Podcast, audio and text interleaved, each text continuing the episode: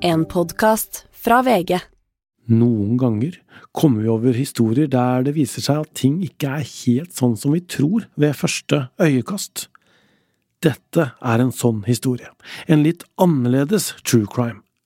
Den handler om to søstre som blir pågrepet av politiet og mistenkt for vold mot sin egen mor på 99 år. Dette er den første av to episoder av podkastserien Mors fall. Og når du har hørt ferdig den, så ligger den andre episoden klar i Podme. Det er grytidlig på morgenen, og pensjonisten Grete sover i senga si i det gamle, hvite familiehuset. Hun vet ikke at flere politifolk har tatt seg inn på eiendommen og gått opp trappa. Så har jeg tre poliser over meg med pistoler og batong. Kle på deg! Jeg ble vekt av det, og så har jeg ikke noe taklys. Altså, jeg hadde en nattbordlampe jeg måtte få på. Hva er dette for noe? sa jeg. Kle på deg! Og jeg kledde av meg. To mannfolk sto der, og hun der ene kvinnen. Og så spør jeg har det noe med moren min å gjøre. Så løper jeg ned trappen. Da hører jeg at det er noen som er inne hos søsteren min. For en sånn lang gang med flere soverom. Og når jeg løper ned trappen, så sier jeg høyt Er dette lov? Jeg skjønte jo ingen verdens ting. Er dette AS Norge? Er ikke til å forstå. Jeg trodde ikke at dette er sant. Og her er nyhetene fra Innlandet. To søstre i 70-årene fra Hedmarken er pågrepet og siktet for familievold. De to er sikta for mishandling av sin 99 år gamle mor i hennes hjem. Søstrene ble tirsdag varetektsfengslet i en uke i Østre Innlandet tingrett. Begge søstrene nekter å ha gjort det de er sikta for. Den 99 år gamle mora ble innlagt på sykehus, og det har til nå ikke vært mulig å avhøre henne. Dette er den første av to episoder av podkastserien Mors fall. Den er laga av meg, Natalie Reme Hansen, Christian Torkelsen og Erlend Ofte Arntzen, som reiste ut for å møte hovedpersonen i denne historien. Kan du bare prøve å snakke litt? Ja, jeg heter Grete Frydenlund. Over ett år er gått siden den natta i 2022 da politiet plutselig vekka Grete på soverommet hennes. Nå sitter hun ved et stort spisebord i stua si og har servert alkoholfri øl. Hunden Selma, oppkalt etter den kjente forfatteren, tripper rundt. Det er jo Selma. Ja. Selma Lagerlöf, dette her. Ja, ja, ja. Det er en av dine favoritter. Ja, syns om. Ja. Syns om. Syns om mener. Kan du fortelle litt mer om, om familien? Er det, er det kun deg og søsteren din, eller er det flere søsken? Hvordan uh, vokste dere opp på Tingnes? Hvor- Nei da. Hvordan, Nei eh, da, vi er ikke der litt, sånn, litt sånn familiehistorikk hadde vært bare fint Ja. bakgrunnsteppe. Ja. Nei, vi er bare to søstre. Ja. Uh, vokste opp i Oslo. Som ung får Grete seg en jobb i en bedrift som hun blir værende i i 47 år. Og både hun og søsteren får hvert sitt barn. Storesøsteren ønsker ikke å bli intervjua i denne podkasten, men VG har vært i kontakt med henne, og hun støtter at Grete forteller denne historien. Og hva, hva, hva drev eh, faren din med og moren din med gjennom yrkes- yrkeslivet og sånn? Ja, har dette noe med saken å gjøre? Det det er bare sånn, Hvis vi skal skrive en litt sånn stor historie, da er det fint også for folk å bli litt sånn kjent med familien. Mamma sydde pelskåper. Aha. Ja, blant annet for kongehuset. Oi, ja. Ja, hun var kjempeflink. Ja. Pelskåper for kongehuset, rett og slett. Ja, hun sydde. På 1990-tallet var søstrene godt voksne og hadde egne liv. Mammaen Åse, hun som sydde pelskåper, og pappaen Leif var lenge på husjakt. Og så kom de over den gamle lensmannsboligen på Tingnes i Hedmark. Landlig, idyllisk og med utsikt til Mjøsa. Dette huset ville Gretes foreldre bo i. Så kjøper de dette huset. Og det er rett over Mjøsa, og moren min ekstremt romantiker. Ja, faren min òg. Ville gå i den store haven, fikk ikke lov til å klippe gresset, for der var det markblomster. Vi ville gjerne gå barbeint og se på Mjøsa og se på Skibladner.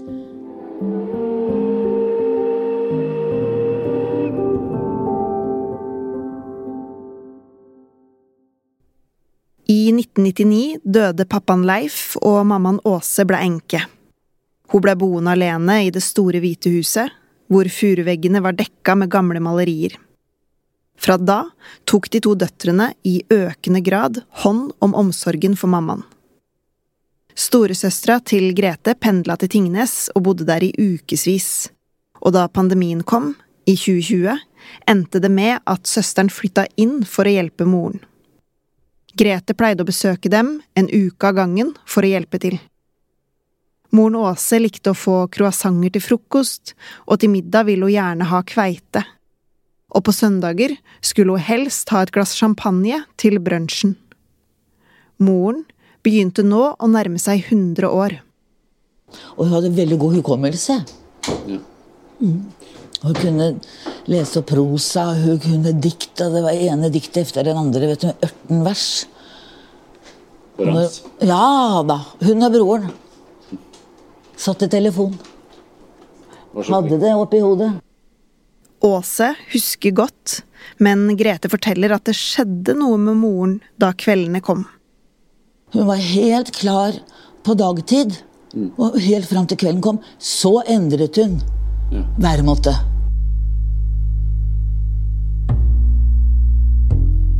Sa veldig mye stygt.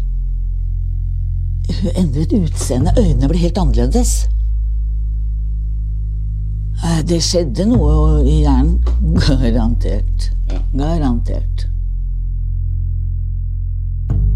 Grete forteller at moren har anklaga henne for å ha filt av øreflippene hennes med et skjerf, men øreflippene var jo intakte. Grete husker en gang legen spurte mammaen Åse om hun ville flytte inn på institusjon. Og da kommer fastlegen, og så sier han til moren min Du, Åse, skal ikke du ned på heimen? Dette er jo tungt for både deg og søsteren, eller datteren din. Jeg regner med at dette er en fleip. Før kan du skyte meg. Da sier legen dette går ikke.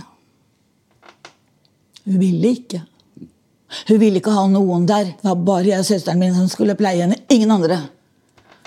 Men de siste to årene så klarte vi ikke å få henne opp i sengen. Vi klarte, klarte å komme ut, men ikke opp. Så det var nattevakt der ja, flere år.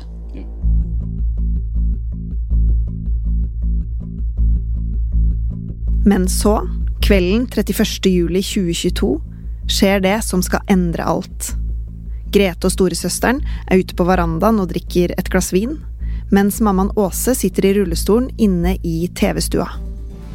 Hei og velkommen til nyheter fra Innlandet. I går måtte skiblader taues til havna i Gjøvik etter et maskinhavari. Er Døra inn til TV-stua står åpen, og Grete husker at hun hører noen lyder innenfra. TV-en står på, hører ikke hva mamma roper. Så kommer jeg fra verandaen, så ser jeg mamma bakfra. Så ser jeg arm, Armen er jo oppå den eh, armlenet på rullestolen, og så har jeg bøyd fremover. Grete synes det ser ut som at moren er i ferd med å falle fremover og ut av rullestolen, og bestemmer seg for å gjøre noe raskt. Og dermed så tar jeg tak i den rullestolen, så svinger jeg den over mot et bord. Det var en ren refleks. Jeg hadde ikke tenkt det andre enn at jeg må forhindre. Og så er det én bevegelse, mamma ramler. Så Grete mener at hun forsøker å avverge at moren skal falle rett frem og ned på gulvet. Derfor vender hun rullestolen mot et bord ved siden av. Men mammaen Åse, hun faller likevel og havner på gulvet, forteller Grete. Grete husker at hun og søstera ikke klarer å løfte moren, så de legger en pute under hodet hennes og henter en dyne. Deretter tar Grete opp telefonen og finner nummeret til hjemmesykepleien. Jeg ringer med en gang. Og da kommer et menneske som vi ikke har sett før. Døtrene er oppskaka. Moren Åse er også det. Og så roper mamma dere, dere har brekt armene mine. Dere vil drepe meg. Og så ble mamma kjørt av gårde.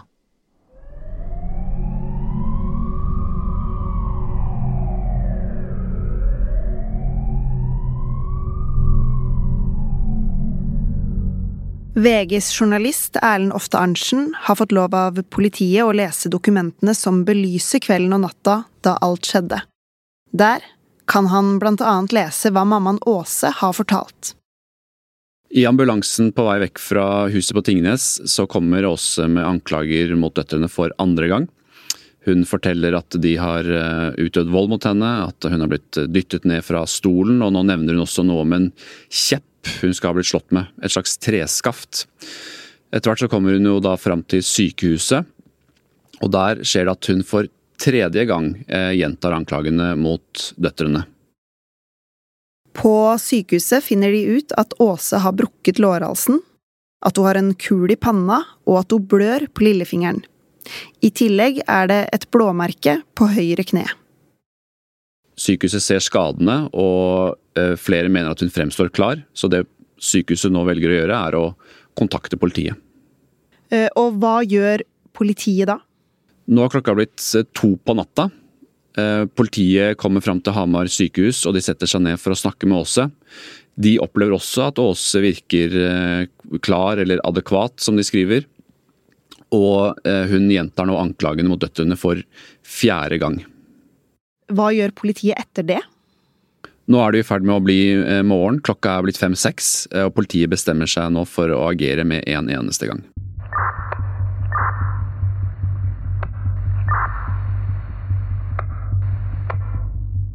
Verken Grete eller storesøsteren aner noen ting om at politiet nå er på vei.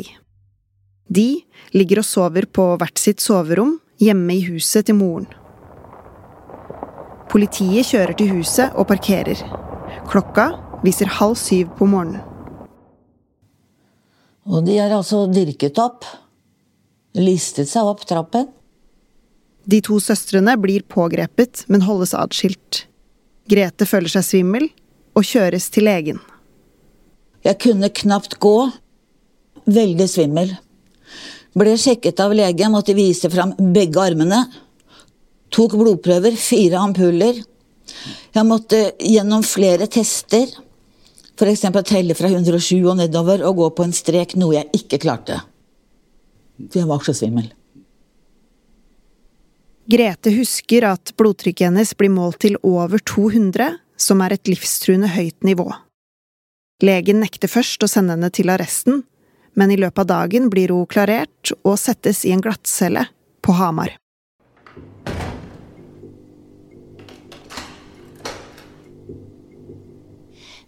Nei, altså det, det, å komme på en glattcelle altså det, det, det, var jo en merkelig opplevelse, så jeg vet ikke hvor mye jeg klarte å fange opp. Grete sitter alene på cella, på en blå plastmadrass. Føttene uten sko treffer betonggulvet. Så hører hun at døra blir låst opp så skulle de ta bilder av meg. Forfra. Høyre og venstre side. Jeg ble målt, jeg ble veid.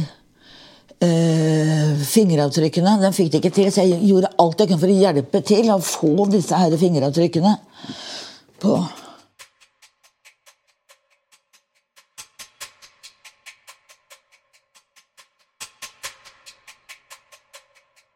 Klokka 13, omtrent et halvt døgn etter at hun ble henta av ambulanse, vil politiet gjennomføre et avhør med mammaen Åse. Men nå kan ikke 99-åringen svare på når hun har bursdag, eller hvor hun er. Og så spør Åse politiet. Kommer datteren min hit? Eh, politiet gjennomfører en, eh, en ransaking av huset på Tingnes, endevender det, og i TV-stua der Åse falt, så står det i hjørnet en, eh, en såkalt smørkinne. En sånn rund, sylinderaktig sak av tre, hvor, som man hadde en stav oppi, som man stampet for å få lage smør da, i gamle dager. Og denne staven tar de ut. De tar DNA-prøver av den, og de tar bilder av den og måler den opp. Og den går inn som et mulig bevis. Kan dette være kjeppen Åse snakket om, som hun hevdet å ha blitt slått med?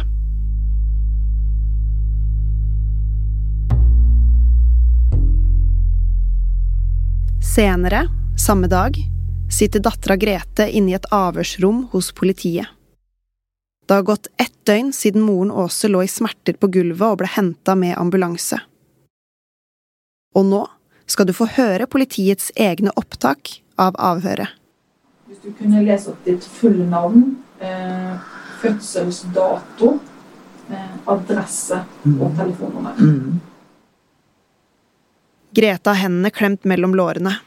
Hun sitter helt fremme på stolen, nesten sånn at hun lener seg mot bordet fremfor henne. Jeg heter da Grete, og det skrives med H. Grete. Efternavnet er Frydenlund. På den andre siden sitter etterforskeren som er ansvarlig for avhøret. Hun noterer i en bok underveis og stiller spørsmål til Grete. Men er du stressa nå for å snakke med meg? Å ja. Det er situasjonen. Det er ikke deg som person. Nei. Det er situasjonen jeg er i. Det er bra. Men du må vite at du trenger ikke å forklare deg for meg. Du trenger ikke å forklare deg for politiet. Det er en rettighet du har Mm. til å nekte å avgi. Men jeg vil. Du vil. Jeg vil. Den er god. Noe av det første som skjer, er at etterforskeren legger et ark på bordet, snur det og skyver det bort sånn at Grete kan se innholdet. På arket står det hva politiet tror at Grete har gjort, og etterforskeren leser det høyt. For det som står her da, at eh, politimesteren i Innlandet sikter herved Grete Frydlund for ved trusler, tvang, frihetsberøvelse, vold eller andre krenkelser alvorlig eller gjentatt har mishandlet sin mor Åse Frydenlund. Politiet mistenker at Grete har mishandla moren og har sikta henne for vold. Skulle hun bli dømt, risikerer hun inntil seks år i fengsel. Hvordan stiller du deg til siktelsen? Forferdelig. Ja. Helt forferdelig. Mm.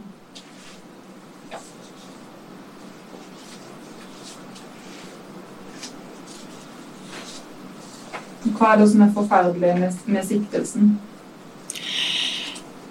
At jeg sitter her, og du leser opp paragraf 282. Det er helt forferdelig.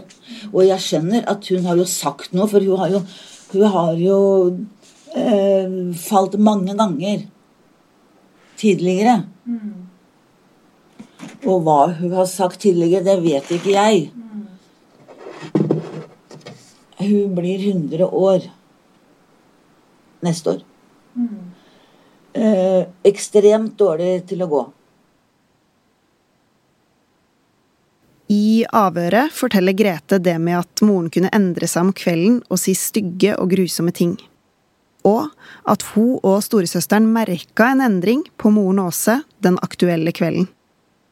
Så satt vi, Jeg husker ikke hva vi så på på TV, jeg. Eh, så så jeg at Å, nå begynner det. Jeg tenkte, ja, ja, nei, nei, nei, nei. Så orka jeg ikke sitte der. Så reiste vi oss opp og går ut av den, det TV-rommet hvor hun sitter, mhm, i rullestol. Grete husker at hun og storesøsteren setter seg ut på verandaen. Så går du ut på verandaen, men har døren åpen.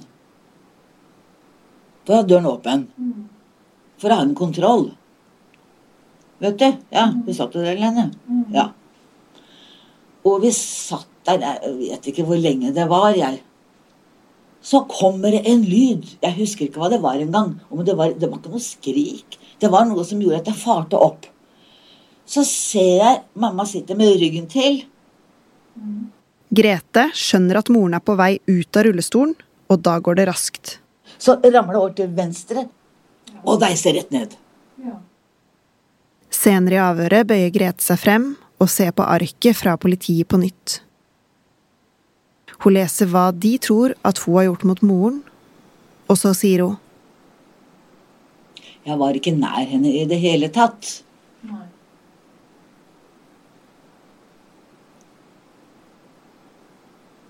Hvordan skulle jeg klare det, da? Jeg var bak henne. Etterforskeren prøver å forstå hva Grete mener med det. Så sier du at uh, du ikke var nær uh, din mor i det hele tatt. Nei, det var jeg ikke. Du gikk uh, to skritt inn. Ja, eller tre, jeg vet ikke helt. Jeg, du. Jeg, jeg var bare så raskt inn, og så ser jeg det som skjer. Og dermed så deiser det over på venstre side.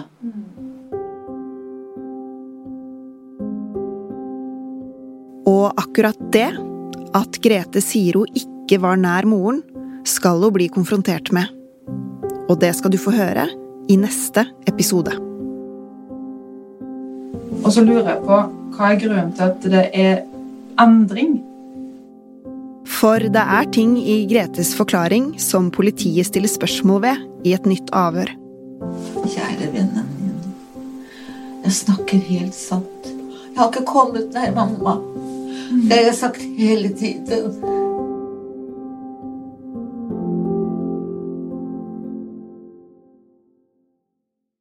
Vi har spurt politiadvokaten som har ansvaret for saken, Ingrid Hagen, om hvorfor det var viktig for politiet at pågripelsen av søstrene måtte skje så raskt og tidlig om morgenen.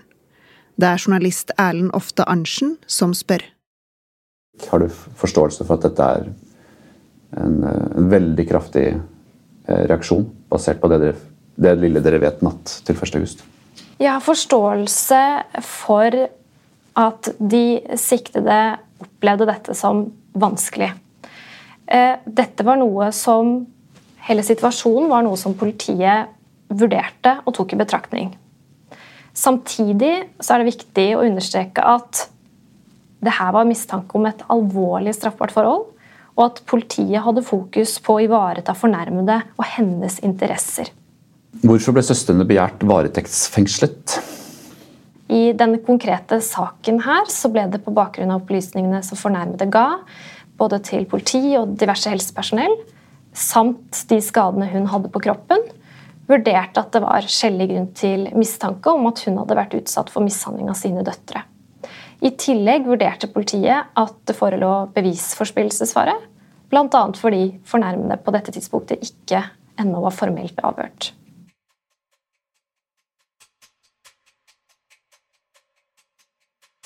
Denne podkasten er laga av Erlend Ofte Arntzen, Christian Torkelsen og meg, Natalie Reme Hansen. Nyhetsledere er Synnøve Aasebø og Emilie Hald Torp. Musikken er fra Epidemic Sound, og nyhetsklippene er fra NRK. Og neste episode av Mors fall, den ligger klar i Podme-appen. Du har hørt en podkast fra VG. Ansvarlig redaktør, Gard Steiro.